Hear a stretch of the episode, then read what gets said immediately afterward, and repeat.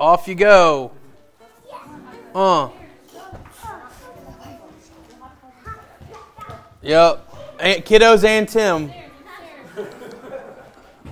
Well, well, hey, if, um, if you have your Bibles, you can turn to, open up, flip the app, whatever you need to do to Luke chapter 9. We're going to be at the end of the chapter, but hopefully you're along with the reading, chugging along with the reading through Chronicles um, and Luke with us. Uh, all right, so I'm gonna. I've told you before, my spiritual gift is get the crap to the top, and so I'm gonna rip the band-aid off real quick. Ready? Um, I uh, I got jacked up yesterday. Like I got messed up. Um, not like because of any type of substance.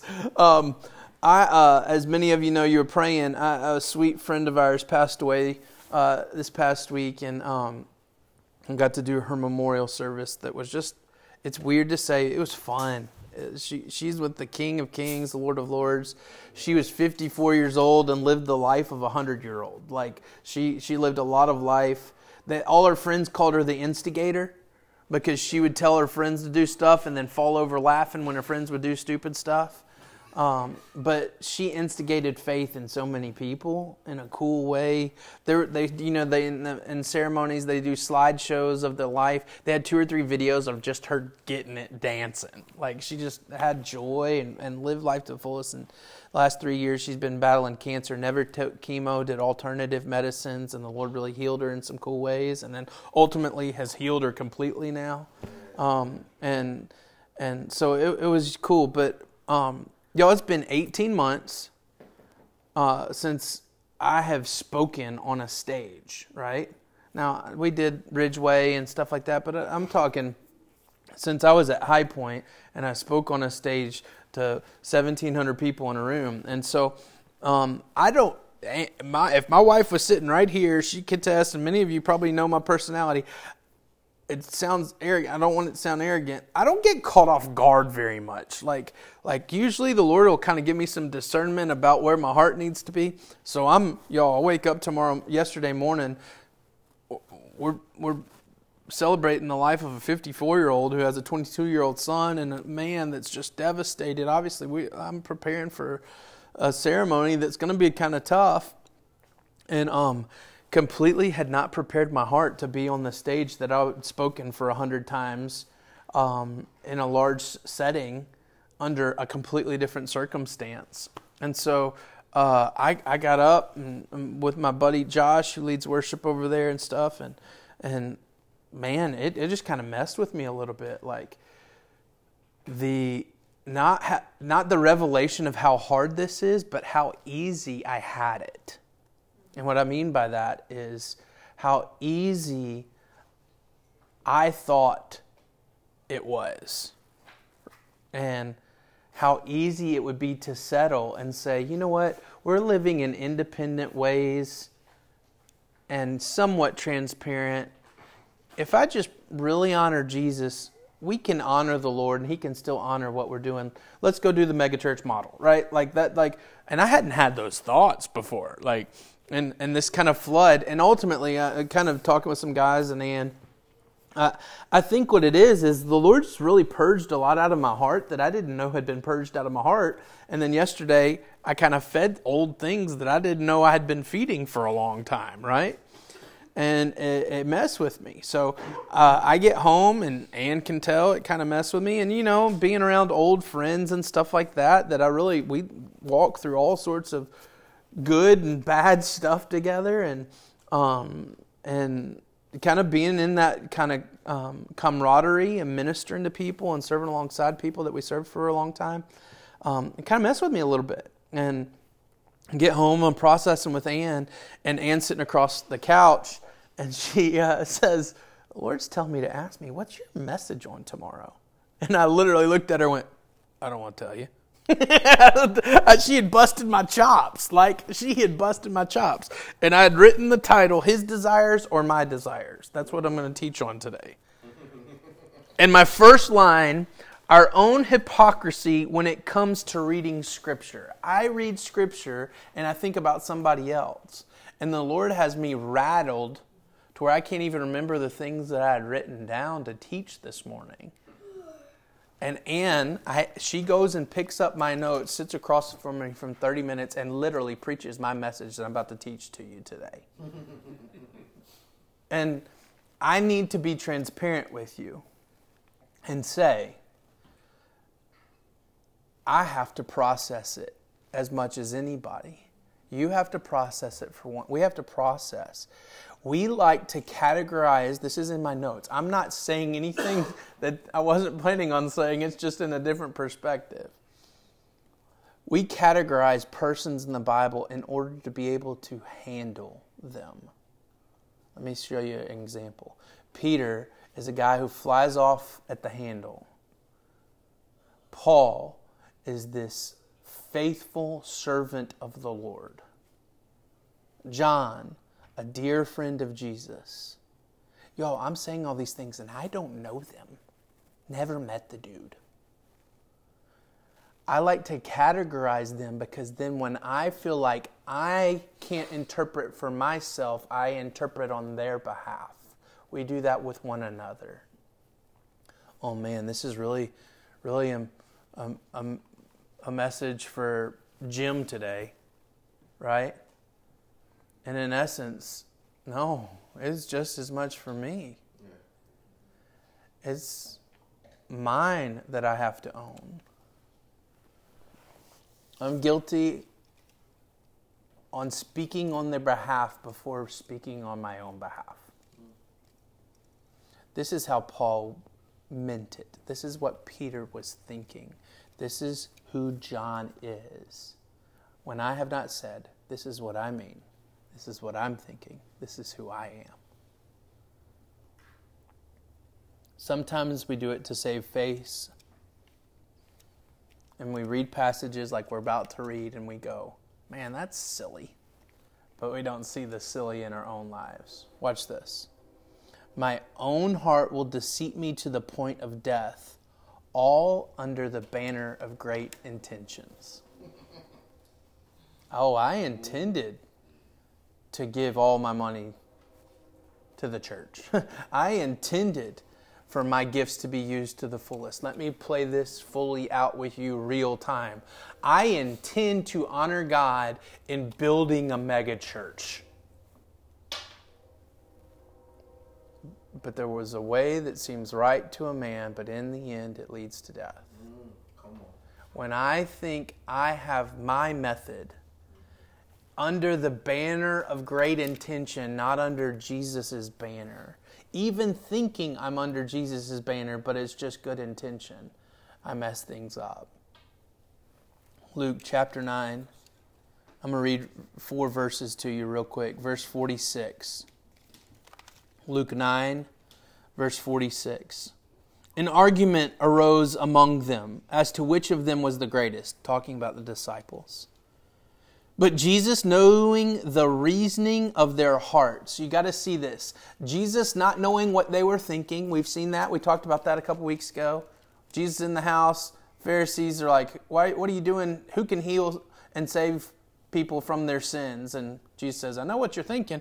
Jesus is knowing the reasoning of their heart. What does he do? He took a child and placed it beside, placed him by his side. And he said to him, them, Whoever receives this child in my name receives me. Whoever receives me receives who has him who has sent me. For who is the least among you is the one is, who is great. John answered, Master, we saw someone casting out demons in your name, but we tried to stop him because he does not follow with us. But Jesus said to him, Don't stop him for one who is not against you is for you. You got to see this. My desire for greatness always trumps God's desire. My desire for greatness always trumps God's desires. If I desire greatness like these, they're having a discussion. Oh, you love Jesus more than I love Jesus, or I love Jesus more than you love Jesus, so I'm going to be greater. And we look from crazy hypocrisy saying, man, how silly of an argument is this? Yet we make statements like, if I can have that position, I'll be able to give more if I can be more influential, I'll have a greater platform for Jesus. And in that, my greatness is trumping God's desire. Who is the best at this God thing is the disciples' argument. But in this argument, there's a child present. Think about what they're doing. There's a immature child who doesn't know better in front of a whole bunch of other immature kids who are saying, I'm better than you. And so, what does Jesus do? What does Jesus do? He puts the kid next to him. You know what another argument is that they have? They've already had it. They've already had this other argument. Do you remember what the argument is around who's greater? What's the other argument? Come on, talk to me. Someone, mom, comes and says, What? What? Say it. Who's on the left? Who's on the right? So they've already had this argument, and now they're having an argument who's greater. What does he do? He picks a child up and puts him on the place of honor. Do you see what Jesus is doing? He's busting their chops. Saying, None of you. Look, this one's going to sit right here. And here's how we've interpreted it, and I think this may be a false way to interpret what's going on if I'll be last, then I'll be first. Because that's kind of what Jesus is saying here. But, but in reality, this isn't something about humility. This is something in context of what's going on. I'm greater, you're not, you're greater. No, and they're having this argument. And Jesus places a child in the honor seat. And he's saying, you don't have any control over who sits here.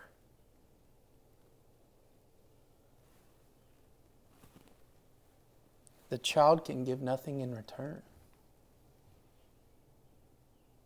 Jesus puts the one who does not have the ability to operate fully in the gifts, is what they think. That's not true, but that's what they think.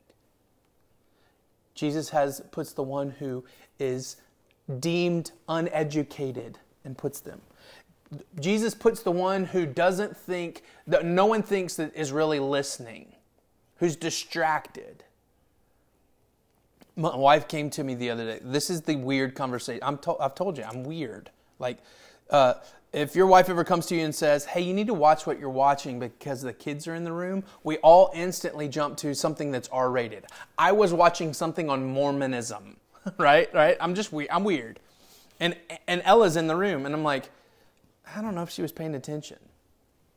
Two hours later, we get in the car, and Jesus or uh, Ella says something to Finley about, "Did you know that there are people who believe Jesus was born in Jerusalem, but he was really born in Bethlehem?"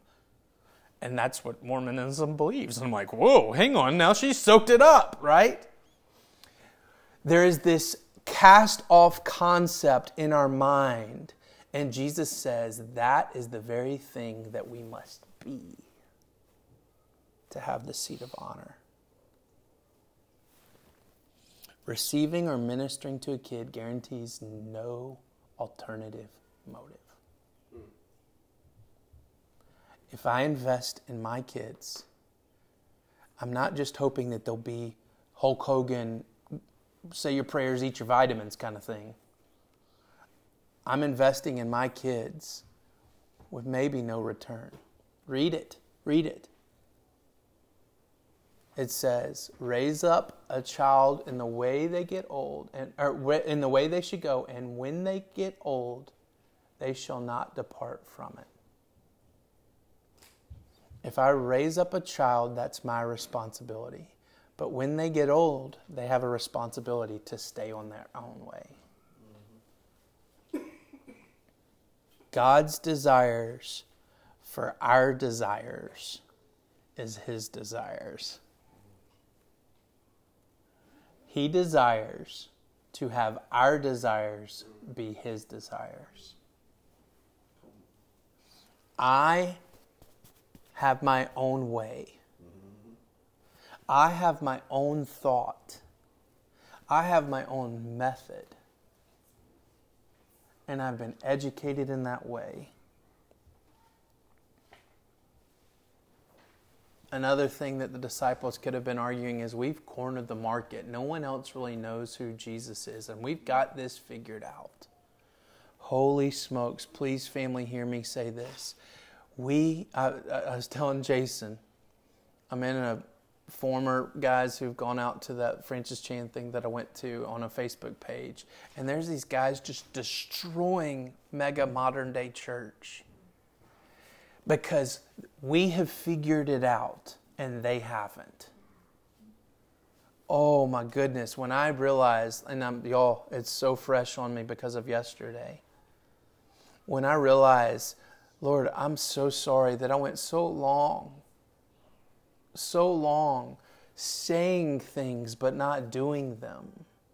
And I don't think that I'm fully doing them now, so I better not let pride come in and say, hey, well, Selah Memphis, we cornered the market on this church thing. I've cautioned myself and my wife. How church intent, was intended to be, of course, is our goal. But when we make a statement like that, it ostracizes everyone else. And for us to say, we're just trying to be what Jesus intended the church to be is a much better statement than we're just trying to do church right. I have to sacrifice my desires before I can take any action. If I don't, my action's going to be dirty. Sure, maybe 95% pure. Great intention. But watch this me being right isn't God's desire.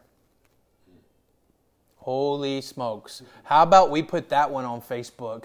When, when election cycle has already started, we're two years away, right? Right. Me being right is not God's desire. He does not want me to be right. He wants me to be His. Verse 40, 51. They're having this argument. Jesus trumps them, puts the kid next to him, and says, Hey, if you receive this one, you've received me. And they're going, What?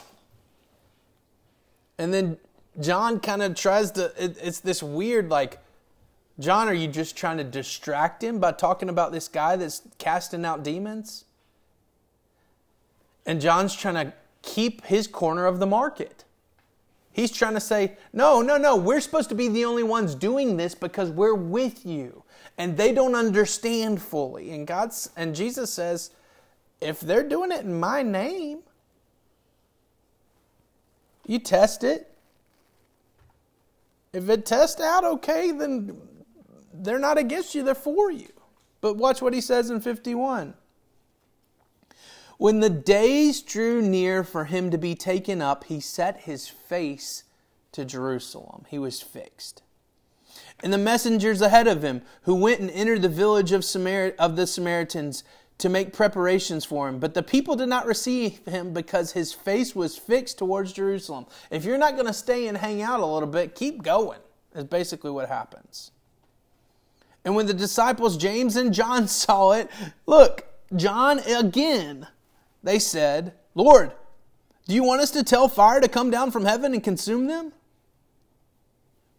But he turned and rebuked them, and, they went to another village. Watch. They didn't treat you right, and we're going to be right. Let's burn the thing to the ground. It's easy for me sometimes to think, I'm going to do this for Jesus. But who had really the power to call fire down from heaven and chose not to? The King of Kings, who they're talking to. Hey, Jesus, I know you didn't think about this, but they just rejected you. So can we call the fire down and burn them up? Think about how silly it is. When can we stop saying being the hands and feet of Jesus? He's got his own hands and feet. Our willingness to serve in the manner that He is is obviously the intent of that statement. But I also think that it classifies Jesus in this secondary role where he He's not at work anymore. And that's not true. The Holy Spirit's just alive and active. So when I, with great intentions, try to use the authority and the power of God to burn something up that He could have and He didn't intend to, what does He do? He rebukes me and says, What are you doing? Stop trying to be right, Ryan. we are the body of Christ, but sometimes we think that means that Jesus no longer has hands and feet. Just because we are the body of Christ doesn't mean that our God is immobile and he has to have us. Does God need us? No. Does God want us? Yes. Watch this. This is something my wife was shouting at me last night. Authority and power in the hands of men cannot be trusted. Hang on. Authority and power in the hands of men giving credit to God can't be tested. It's under this fake veneer of we're doing this for Jesus. But watch, authority and power through the hands of men can't be stopped. God gave us authority and power not for us to hold it. God gave us authority and power not for us to hold it and put Jesus' name on it.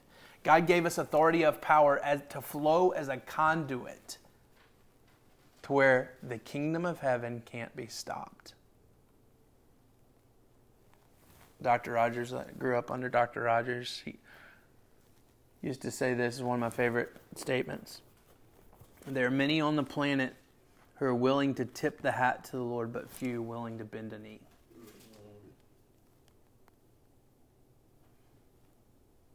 When I tip my hat and take the authority and power from the Lord and try to accomplish the things that I deem He deems right, I'm just tipping my hat to Him. But when I live sacrificed fully, God, I don't want to be right. I want to be yours. It changes trajectory. Kingdom of God can't be stopped. Authority and power walk in their full potential. Amen. Watch. If redemption, salvation, and sanctification and the gifting of eternal life are the works of Jesus, then I need to stay out of those roles. I can't provide redemption. I can't provide salvation. I can't provide sanctification. And I can't gift anyone eternal life. So know your role, right? Know your role, right? Right? What's your role? Jesus says love. And that is plenty. I got my hands full. I'm pulling 90 hours a week doing that one, right? But just like anybody else, I'm trying to get my hands inside of redemption, sanctification, salvation, gifting of eternal life. And when I do that, it is messed up. I've used the illustration to you before. Jesus left the planet, the church, and it's like eating a, a, cone of ice cream. The church is designed to be like that ice cream cone. No one on the planet's ever seen the ice cream cone and they see you licking this thing and they're like, what is this? And then when they taste and see, they're like, I got to have some more. But when man's good intentions get involved, they try to mass market ice cream cone. So what do we do? We buy a cow and we tell people to process their own milk. So go squeeze those udders and make your own ice cream. And they're going, why do I want to do that? People look at the church and they go, What? I don't want this. Because we've so gotten away from the taste and see concept of ice cream. This unique, I prayed it earlier, we are to be a peculiar people. And I don't find us being too peculiar right now. I pray that often. Lord, let me be so loving that it's peculiar to people it's like tasting ice cream for the first time. They're like, what is this and where can I get more? Instead of the man who walks with the cow into the room and says, Squeeze those dangly things. Doesn't make sense, right? My role is to love, and that's it. His role is a lot bigger than my role, and I better not touch his role. Isn't that different from what we expected? Uh, we moved into our house a year ago yesterday. And some of you were around when we were moving and all that stuff, and just the chaos of starting a church in our house. And uh, they just, was, we did everything at once, right? If we had had a baby, it would have been the trifecta. but in reality, when we were moving into that house, what I envisioned a year ago, a year to be, is nothing like what it is. Two years ago, my walk with the Lord is nothing like I envisioned it now. Ten years ago, fifteen. I mean, how far you want to go back? Last week, a life following Jesus is radically different from our expectations. Listen to what he says in verse 57. As they were going, remember, they, they can we burn this village down? Nope. So they keep going. As they were going along the road, someone said to him, I will follow wherever you go, you wherever you go. And Jesus said to him, Foxes have holes, birds have the air, uh, birds of the air have nests, but the Son of Man has nowhere to lay his head. You see it? There isn't an offer.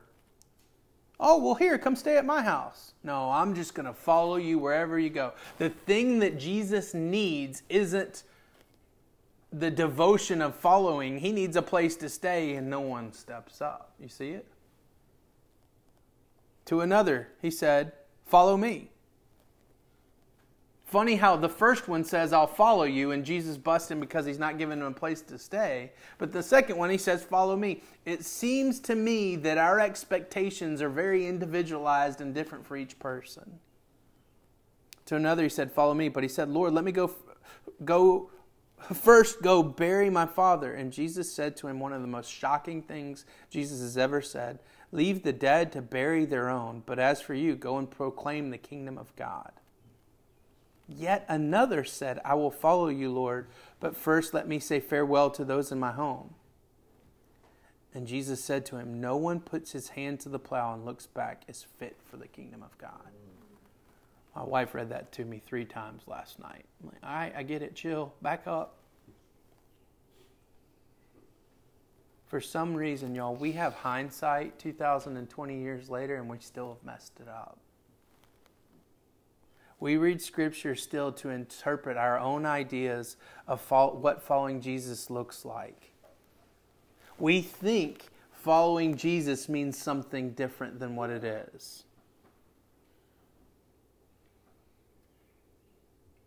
Listen to what Jesus affirms.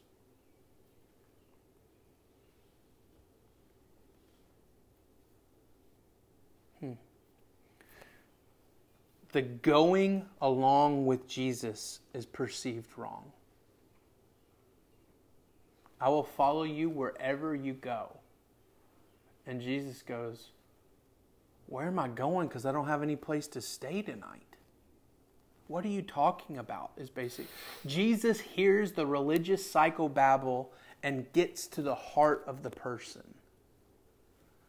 Hey, Jesus, I'll follow you wherever you're going. And he said, We just got kicked out of Samaria. Uh, Samaria. I don't have a place to stay tonight. What do you mean? And, and ultimately, Jesus could have done that and had the hotel of all hotels and stayed the night. What Jesus is saying is, only the will of the Father is my going. Where I go, I go based on what He has revealed. So this person who knows what really is going on in the heart and the desire. This person that asked the question, Jesus kind of zings them a little bit and says, Hey, wherever I go, I don't know where we're going. It's the same concept that I've shared with you guys. Hey, what's the vision of Selah, Memphis? I don't know. We're going to find out what the Holy Spirit's doing, right? Follow Jesus, Jesus Church, man. What kind of denomination are you? I don't know, Jesus, right? Yes. Like, like, what's the concept? The perspective is wrong, too, because he's trying to say, "Let me go bury," and he's going, "No, you're missing the eternal concept of it." Dead people will interact with dead people.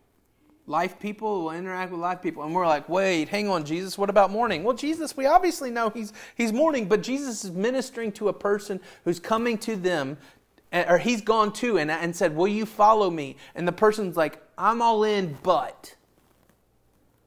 And Jesus is like, Peace.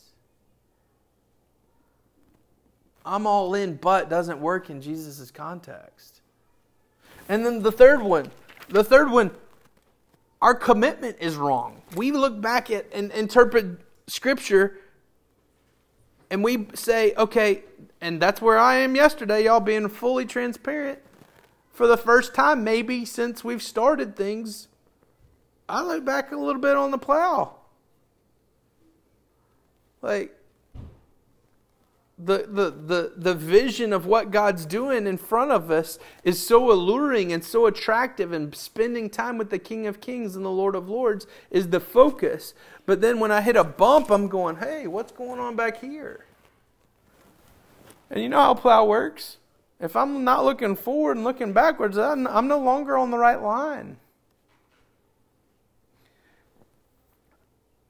Mapping out a crop is everything. It's how you know how much money you're going to make. It's how the resources work and the water distributed. And if my commitment is is this, man, I'm not going to fully receive the harvest. We must come to terms that following Jesus is hard to describe because we're still learning it. What does it mean to follow Jesus? I don't know. I can tell you my experiences. Tomorrow it might be something completely different, but it's worth every moment of it. A life seeking to kill our own desires and allow His desires is the goal. I love this. How do your hands and feet work? The only way that they have any type of ability to move is because the heart is pumping blood and oxygen to it. If you want to get someone's hands and feet to stop working, you go to the source, right? But there are animals out there, like a snake. You can cut the head off, and all of a sudden it feel the tail's still moving. It still looks like it's, it's still alive, right? God didn't make humans that way. And the reason is this when we speak of desire, we always talk about matters of the heart. God doesn't want your hand to move unless it's pumping in His desire. God does not want you to act unless it's in His desire. So, as we've said before, kill obligation. If you feel obligated to come to church, if you feel obligated to give, if you feel obligated to serve, don't. Because it has to be His desire. If you don't desire His desire, you desire something different, then, then don't then do that different thing. Life will not go better, right? We know we know how life gets when I put my own needs in my own hands and work it. But if there's no desire there, so when things get foggy, when things get calloused and vague, and we kind of walk into one of those dry seasons, what do we do? We pray for desire. Always pray, Lord, my desires are messed up. I need, I, give me the desire to spend time with you. If you're struggling with spending time with the Father, pray for that. Lord, give me the desire to spend time with you. And when the, then when the desire is there, what do we do? Lord, give me more of what you want, more of what you want, more of what you want. But what here's here's the, the kicker that I need us all to see Jesus placing a child next to him and telling a grown man, What are you doing? I don't want anything like that. The two polar opposites of John, whom he loved. Whom he loved. Jesus had a best friend, and it was John. He says, John, he rebukes him because he's tried to stop a man from casting out demons and he's tried to burn down a village all under the name of Jesus. And he puts a child in the place of honor because all Jesus desires is an empty canvas for him to work through. When I add my own stuff to it, I have to be rebuked, I have to be corrected, I have to be adjusted. But a childlike faith, he's not asking for emotional state of a child. He's not asking for the physical energy of a child. What is he asking? He's asking for one whom we've discredited to be the one placed in the seat of honor because they have nothing to give back when we minister to them. They are an empty canvas for the Lord to do work. How empty is our canvas? I might have said, mine's kind of empty until yesterday. the Lord illuminates some things, right? That's the purging. As we've said before, recalibration. The the relearning of what the church is, right? We've all had to go through reprogram. And ultimately, how do you reprogram? It's a hard reset. It's a hard reset. Let me pray for that. God, for every last one of us, Lord, we ask that you would hard reset. Lord, our desire is to have your desires, Lord. I know that. I feel that in this room. Our desire is to have your desires. So, God, give us your desires. Let it trump our desires, Lord. We want to lay down our desires and crush them and kill them and let your, des- your desires live full and abundant in our lives, Father. In Jesus, let us be a people that's peculiar with the love of the Father, not our own. Yes. Let us be a people not peculiar because we do church in a house, but peculiar because of the amount of love that you've bestowed on us. And God, we love you and we thank you. In Jesus' name, amen.